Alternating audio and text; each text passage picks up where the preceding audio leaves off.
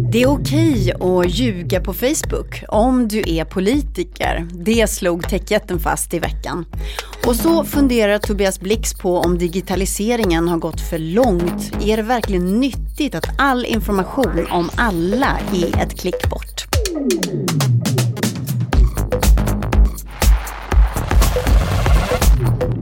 Välkomna till Breakits podcast. Jag heter Katarina Andersson och vårt syfte med den här podden det är att göra dig lite smartare när det gäller allt som händer i det nya näringslivet. Och vi börjar med några kortnyheter från veckan som gått.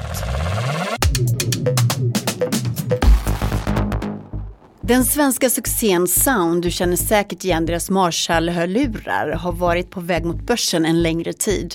Men i veckan så tvingades de dra i handbromsen. Bolaget begärde en förlängd tidsfrist från sina ägare fram till sommaren och skjuter därmed upp sin börsnotering. Matsmart är bolaget som vill rädda världen från matsvinn genom att sälja livsmedel som är på väg att gå ut i datum. I veckan så fick de en rejäl påfyllning i kassakistan, 182 miljoner kronor, bland annat från en tysk investeringsfond. Och nu siktar Matsmart på att expandera utanför Sveriges gränser. Vi har tidigare pratat om fejkade influencers här i podden, alltså stjärnor i sociala medier som är helt påhittade. Och nu hakar den svenska matjätten ICA på med en fejkbebis som heter Elis. Vi på Breakit tycker inte att bebisen ser speciellt verklighetstrogen ut, men den har alltså fått ett eget Instagramkonto där man ska kunna följa barnfamiljens med och motgångar. Flipp eller flopp, det får tiden utvisa.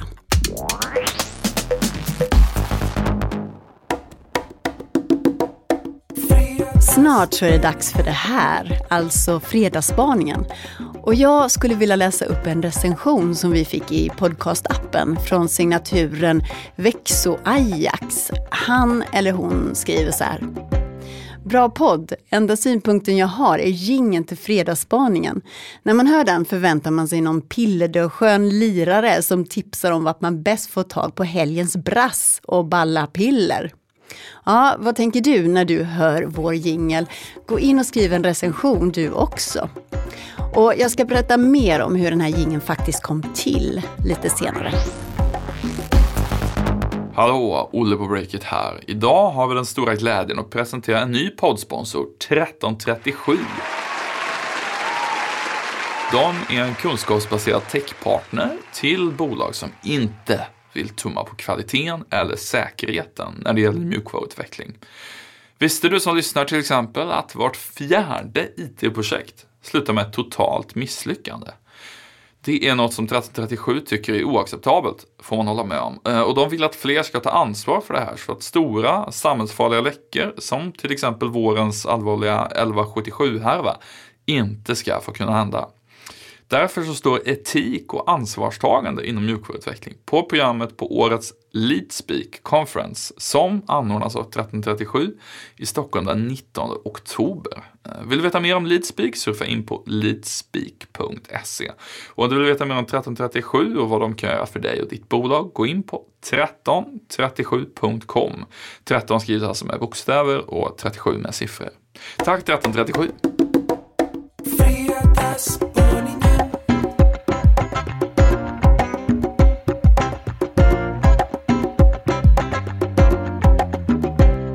Det är okej att ljuga men inte svära, i alla fall om man är politiker. Det slog Facebook fast i veckan. Och välkommen säger jag till Jon Wahlqvist, poddredaktören. Du brukar ju säga att du älskar amerikansk politik och den här spaningen tar avstamp just i amerikansk politik kan man säga. Vad är det egentligen som Facebook menar med det här? Hej Kat, och tack för att jag fick komma hit. Ja, du är så välkommen. Ja, det är så härligt att vara här. Eh, men för att förklara vad det här handlar om riktigt, då får man nog ta ett litet steg tillbaka i alla fall. Mm. Du minns vem som är amerikansk president just nu? Donald Trump. Precis. Check. You look at what's happening last night in Sweden. Sweden. Men vad är han mest känd för då? Who would believe this? Sweden. Han är känd för sin eh, frisyr. Han är känd för sitt brutala handslag till exempel. Och just det, han släpper ju aldrig handen. Nej. Nej. Nej. Och han är känd för att ljuga såklart. Precis, och det var faktiskt det som jag tänkte prata om. Mm. Han är känd för jättemycket annat. Men just för den här spaningen så passar det väldigt bra att säga så att han är väldigt känd för att ljuga. Det är någon slags absurd aura kring rapporteringen när det gäller Trump. Alltså, vi är ju inte vana, vi är en världsledare som ljuger så oförblommat och Precis. gärna. Det finns ju till och med siffror på det här. Washington Post, välrenommerad tidning, de har eh, en sån eh, faktakollare som de eh, använder sig av. De hade räknat ihop där i augusti var den senaste siffran jag kunde hitta.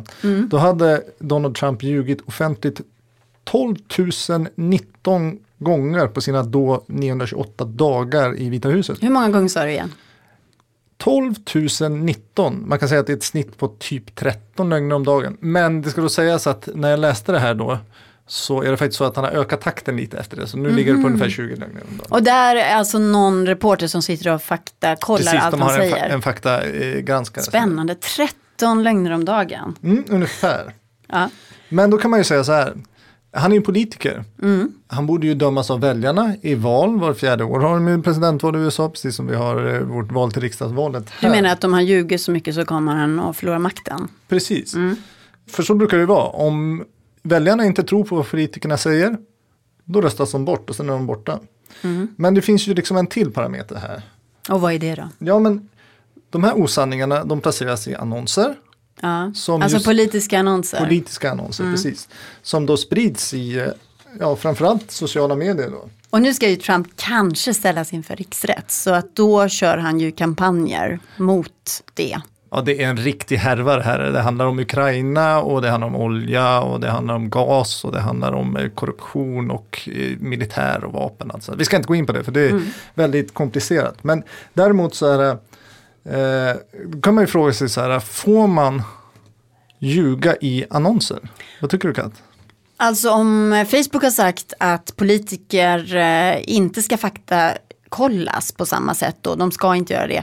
Då får man ju då uppenbarligen ljuga på Facebook. Men i vanliga fall får man ju inte ljuga i annonser för då kommer ju reklamombudsmannen springande och säger att ni har lovat det här och det här, att det här schampot ska få ditt hår att växa med 5 cm i månaden eller så. Precis, och det sen man är, det, göra. sen är det ofta så att medier vill ju inte att eh, det är lögner i annonser. Så sådana här annonser som, eh, som Trump, Trumps kampanj då, de lägger Mm. ganska mycket pengar på det här.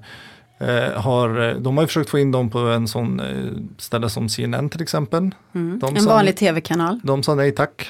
De är inte sanna helt enkelt. Men du menar att på Facebook så säger man ja då, varsågod. Precis, det var ju så här. Eh, I veckan så gick då Joe Biden som är demokrat. Man kanske minns honom som vicepresident till Barack Obama. Eh, de anmälde några sådana här annonser som de sa, det här är lögner. Och de har faktiskt blivit granskade, de här påståendena har blivit granskade av de här faktagranskarna som Facebook själva använder sig av som lögner. oj.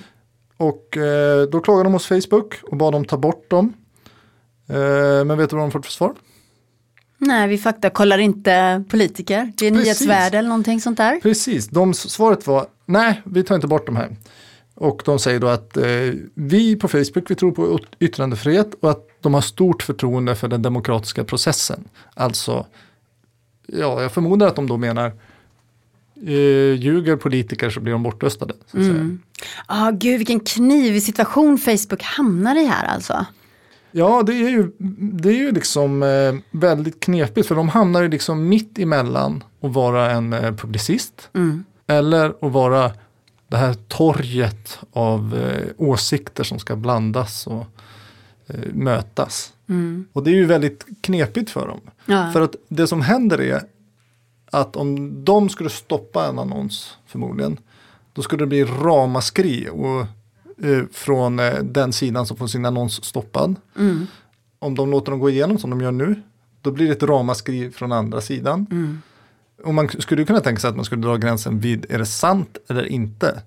Men som vi alla vet så både vi som privatpersoner och politiker väljer ju ofta att vinkla sanningen till slut. Men vad tycker du att Facebook ska göra i det här läget? Alltså de får ju skit oavsett hur de gör. Om de släpper fram de här annonserna eller om de inte gör det. De har hamnat mitt i någon slags eh, politisk stormöga kan man säga. Och hur de än gör så kommer de göra fel. Precis, de sitter i en riktig rävsax som vi brukar säga. Eller som jag brukar säga ibland i alla fall. Jag tror att de måste helt enkelt bestämma sig. Ska de kontrollera innehållet på sin plattform? Det blir ganska dyrt, en dyr affär. Så. Eller ska de vara den här öppna plattformen där alla får eh, publicera sig? Och då, då får man ju räkna med de här eh, lögnerna då. Men det är klart, de som har en annan lösning, de får ju hemskt gärna höra av sig till kanske Mark Zuckerberg eller ännu bättre mig. Man kan mejla mig på jonwahlqvist.breakit.se om ni har någon väldigt smart idé på det här, för jag vet inte hur de ska lösa det. Ja, mejla Jon med din lösning på det här oerhörda dilemmat. Det är skitsvårt. Ola Aronsson här, medgrundare på Breakit och jag har som så ofta med mig vår sponsor, speltechbolaget Kindreds utvecklingschef Sören Törnlund. Kul att du är tillbaka i podden. Vi ska prata lite om personalisering. Eh, jag kan själv uppleva att det är en svår balansgång det där. Man ska individanpassa tjänster, kanske skönt för användaren, men också lite läskigt om det blir för uppenbart. Hur jobbar ni i techteamet med att få rätt balans i det där? Vi på Kindred försöker göra upplevelsen snabb och intressant för kunden genom att vara relevant. Underlätta för kunden att hitta de spel eller de matcher som de är intresserade av. Vi jobbar med machine learning baserat bland annat på Anaconda för att kunna föreslå saker som, som vi tror är intressanta. Eh, vi mäter också hur mycket kunderna sedan använder de rekommendationerna och använder den informationen för att hela tiden förbättra resultaten. Samma sak med den kommunikation vi skickar, den måste ju också vara relevant. Hur, hur menar du då, om du tar något exempel? Jo, men viss kommunikation måste ju vara i nära realtid, som till exempel under en fotbollsmatch. Eh, Då är det ju såklart extra viktigt att vi bara når de kunder som faktiskt är intresserade av den fotbollsmatchen. Just det. Det är lite beyond our level här på Breakit. Jätteintressant att höra tycker jag hur de riktiga proffsen jobbar med det här. när Man själv är en glad amatör som produktägare. Tack Sören och Kindred.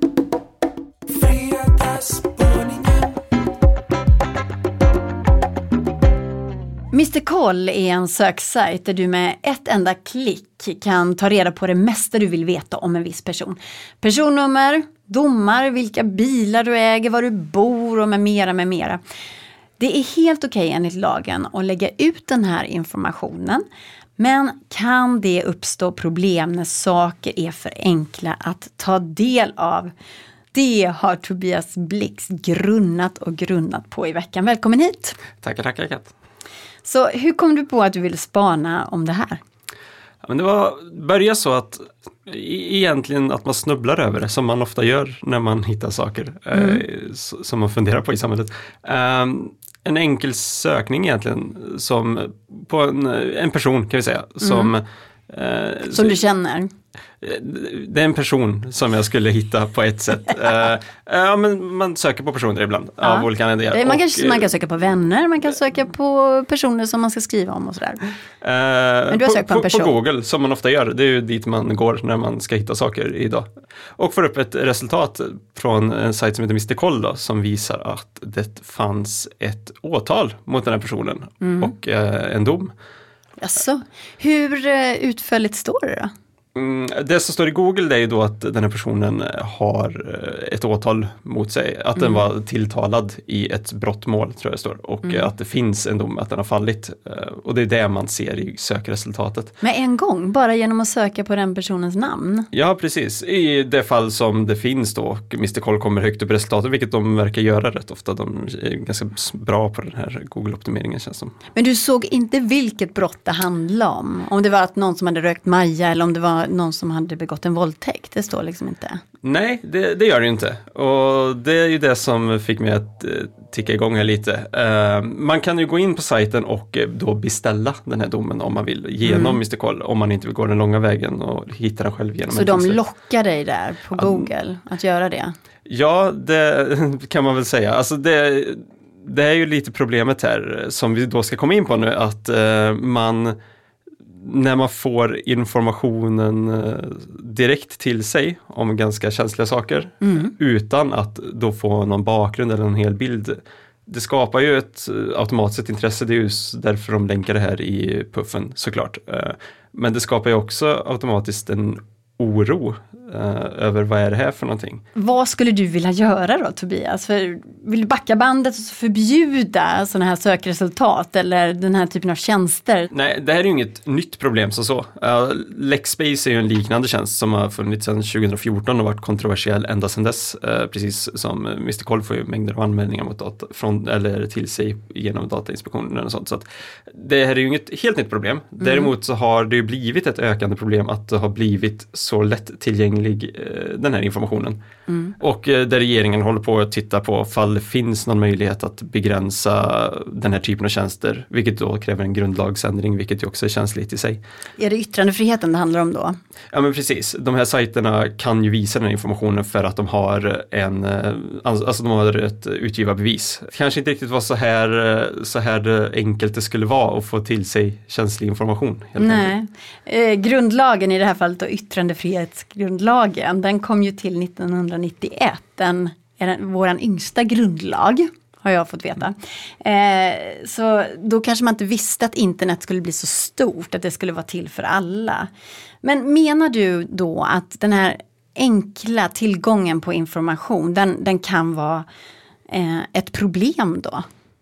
Det kan man väl säga. Alltså vi skulle ju, det finns ju jämförelser att dra i flera håll där tillgängligheten stryps åt. Vi, Systembolaget eh, ska ju sälja alkohol till svenskar, mm. men eh, inte för mycket och inte hela tiden helst. Eh, kanske inte världens bästa parallell, men det är ändå ett exempel på där någonting ska finnas tillgängligt och ändå begränsas. Ja, det ska vara lagom. Ja, men det ska vara lagom, precis. Vi har ju fler exempel här nu i digitaliseringen som, som kanske är mer aktuellt för det digitalisering digitalisering också som gjort det. Vården har ju problem med detta nu med digitala aktörer som gör det väldigt enkelt att söka vård, vilket mm. är jättebra. Eh, men det har också skapat problem att det är så lättillgängligt för politikerna som nu ska försöka luska ut hur de här traditionella vårdcentraler och digitala, vår, digitala vårdaktörer ska samsas. Och då är det så här, lagom vård, lagom allting. Lagom vård och lagom sprit. Så du menar, det du pratar om här är alltså att tillgänglighet, det gör ju också att vi använder mer så att säga. Om man hade kunnat trycka på en knapp och få vinflaskorna hem på två minuter så hade man ju druckit mer vin kanske och det vill då inte politikerna och så, och så begränsar man då tillgången och då menar du att politikerna på samma sätt skulle vilja begränsa tillgången till information. Alltså du är ute lite på djupvatten här. Nu, nej, men jag, jag menar så här att Eh, digitaliseringen och moderna samhället har fört med sig lätt tillgång till mängder av, eh, av information och mängder av eh, lösningar som springer ifrån gamla lagar kanske, lite kan man säga. Uh, och i det här fallet så har vi gått från där vi förut var tvungna att hitta för det första rätt tingsrätt eller hovrätten vad det gäller och vi var tvungna att mejla, snigelposta, ringa för att få ut en dom Mm. Uh, till att det liksom, vi är liksom ändå på den nivån att du kan råka snubbla över om en person är åtalad när du googlar enkelt. Och det kanske börjar närma sig nivåer där man måste titta på hur, hur det här faktiskt ska se ut. Mm. Det finns inga lösningar men eh, du kommer fortsätta tänka på det här? Jag kommer tänka på detta hela tiden. Vi har en spaning till att bjuda på alldeles strax och den här gingen som drar igång våra spaningar, den har jag köpt på nätet. Eh, på en sån här sajt där man kan beställa från en musiker. Och det var en kille i Argentina som spelade in den här åt oss och jag fick bara lära honom hur man skulle uttala fredagsspaningen. Och sen fick han fria händer att sjunga och skapa. Och det gjorde han minsann. Och 7 dollar kostar det här episka verket. Vi är strax tillbaka med en ny spaning.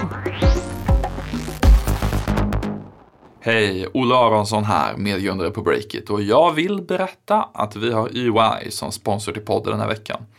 EY de är ju experter på att hjälpa entreprenörer som driver tillväxtbolag. Och den här veckan har EY ett tips som säkert berör en hel del Breakit-lyssnare och faktiskt även eventuellt mig själv. Det handlar om utomstående regeln. Visste du att om du har tagit in utomstående investerare som äger minst 30% av ditt företag, då kan du få betala 25% skatt på din utdelning istället för 58%. Det här gäller inte alltid, men ibland. Det är lite komplext, men om du vill veta mer om det här eller få fler tips så kan du höra av dig till EY, för de har järnkoll på det. Tack EY för att ni sponsrar podden och för att ni guidar entreprenörer rätt i den typen av frågor. Ni kan också läsa mer om utomstående-regeln i en native-artikel på Breakit sajt. Tack EY!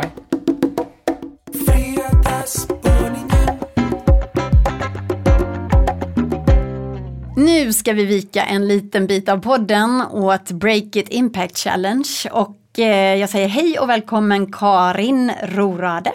Hej, tack så mycket. Du är Breakits eh, Head of Impact. Ja, Mm, det är en fin titel. verkligen. Och i veckan, på tal om miljö och så som det här handlar om, så hörde jag hur eh, Greta Thunbergs tal har blivit eh, använt i en låt. Ja, verkligen. Mashup av eh, Fatboy Slim. right here, right now, right here, right now. Den är riktigt, riktigt bra. Eller hur? Ja, gåshud. Men du, eh, tillbaka till Impact Challenge. Nu har Ja. den varit igång ett litet tag. Så Min, vad är det som eh, händer? På tredje veckan nu. Ehm, Det går bra. Det är otroligt inspirerande att se alla eh, förändringar som företag gör. Eh, Vi har ju över 200 företag som är med och tar tag i olika delar av sina organisationer. Eh, Backa bara lite kort för de som inte har hängt med på det här. Vad är Break It Impact Challenge? Det är Breakits klimatutmaning till det nya näringslivet eh, som vi kör tillsammans med SJ och Nordic Green Energy. Eh, det är alltså en eh, 30 dagars digital eh, bootcamp för att bli mer klimatsmart som företag. Fem steg, eh, fem tuffa utmaningar men eh, det gör att man kickstartar sitt hållbarhetsarbete och kommer en ganska lång bit. Och nu då, vad har företagen gjort hittills? Ja, men andra veckan, eh, det var förra veckan, då var det dags att se över sin arbetsplats. Ehm, och eh, det handlar till exempel om att eh, titta över sina elavtal, eh, byta till gröna alternativ. Eh, det handlar även om eh, källsortering på arbetsplatserna. Men också, och där krävde vi faktiskt bildbevis, och jag har hundratals bilder nu på olika källsorteringar från företag runt om i landet. Aha. Jag börjar men- misstänka att den här Break It Impact Challenge det är ett sätt att samla in data. Ja, exakt. Nej, men vi vill ju säkerställa att folk faktiskt genomför det så att man inte bara säger att man gör det men sen faktiskt inte gör någonting. Så det är jätteviktigt för oss att vi ser bevis på att, eh, vi får in de här olika policies, vi får in bilder så att det, det är på riktigt. Eh, nej, men och sen förra veckan så handlade det också om att man skulle eh, välja bort kött till förmån för vegetariskt på eh, sina man bjuder på mat i olika tillställningar från sitt företag.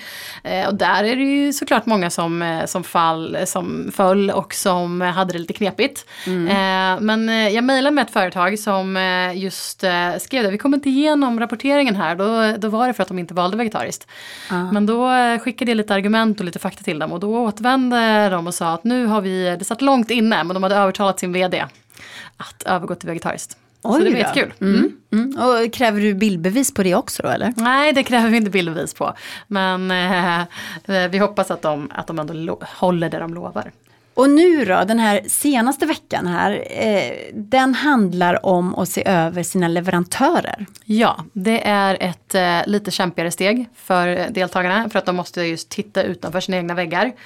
Ehm, och undersöka vad de har för avtal, hur deras leverantörer eh, beter sig. Rent konkret så ska de kartlägga sina leverantörer och antingen försöka få till en förändring om de sitter fast i avtal som de inte kan bryta. Eller så ska de byta leverantörer om de anser att deras leverantörer inte arbetar på ett hållbart sätt. Eh, och så ska de även skapa en policy där klimatet finns med som en avgörande punkt för kommande avtal. Eh, Så det är eh, väldigt spännande och vi har fått intressanta frågor i Facebookgruppen.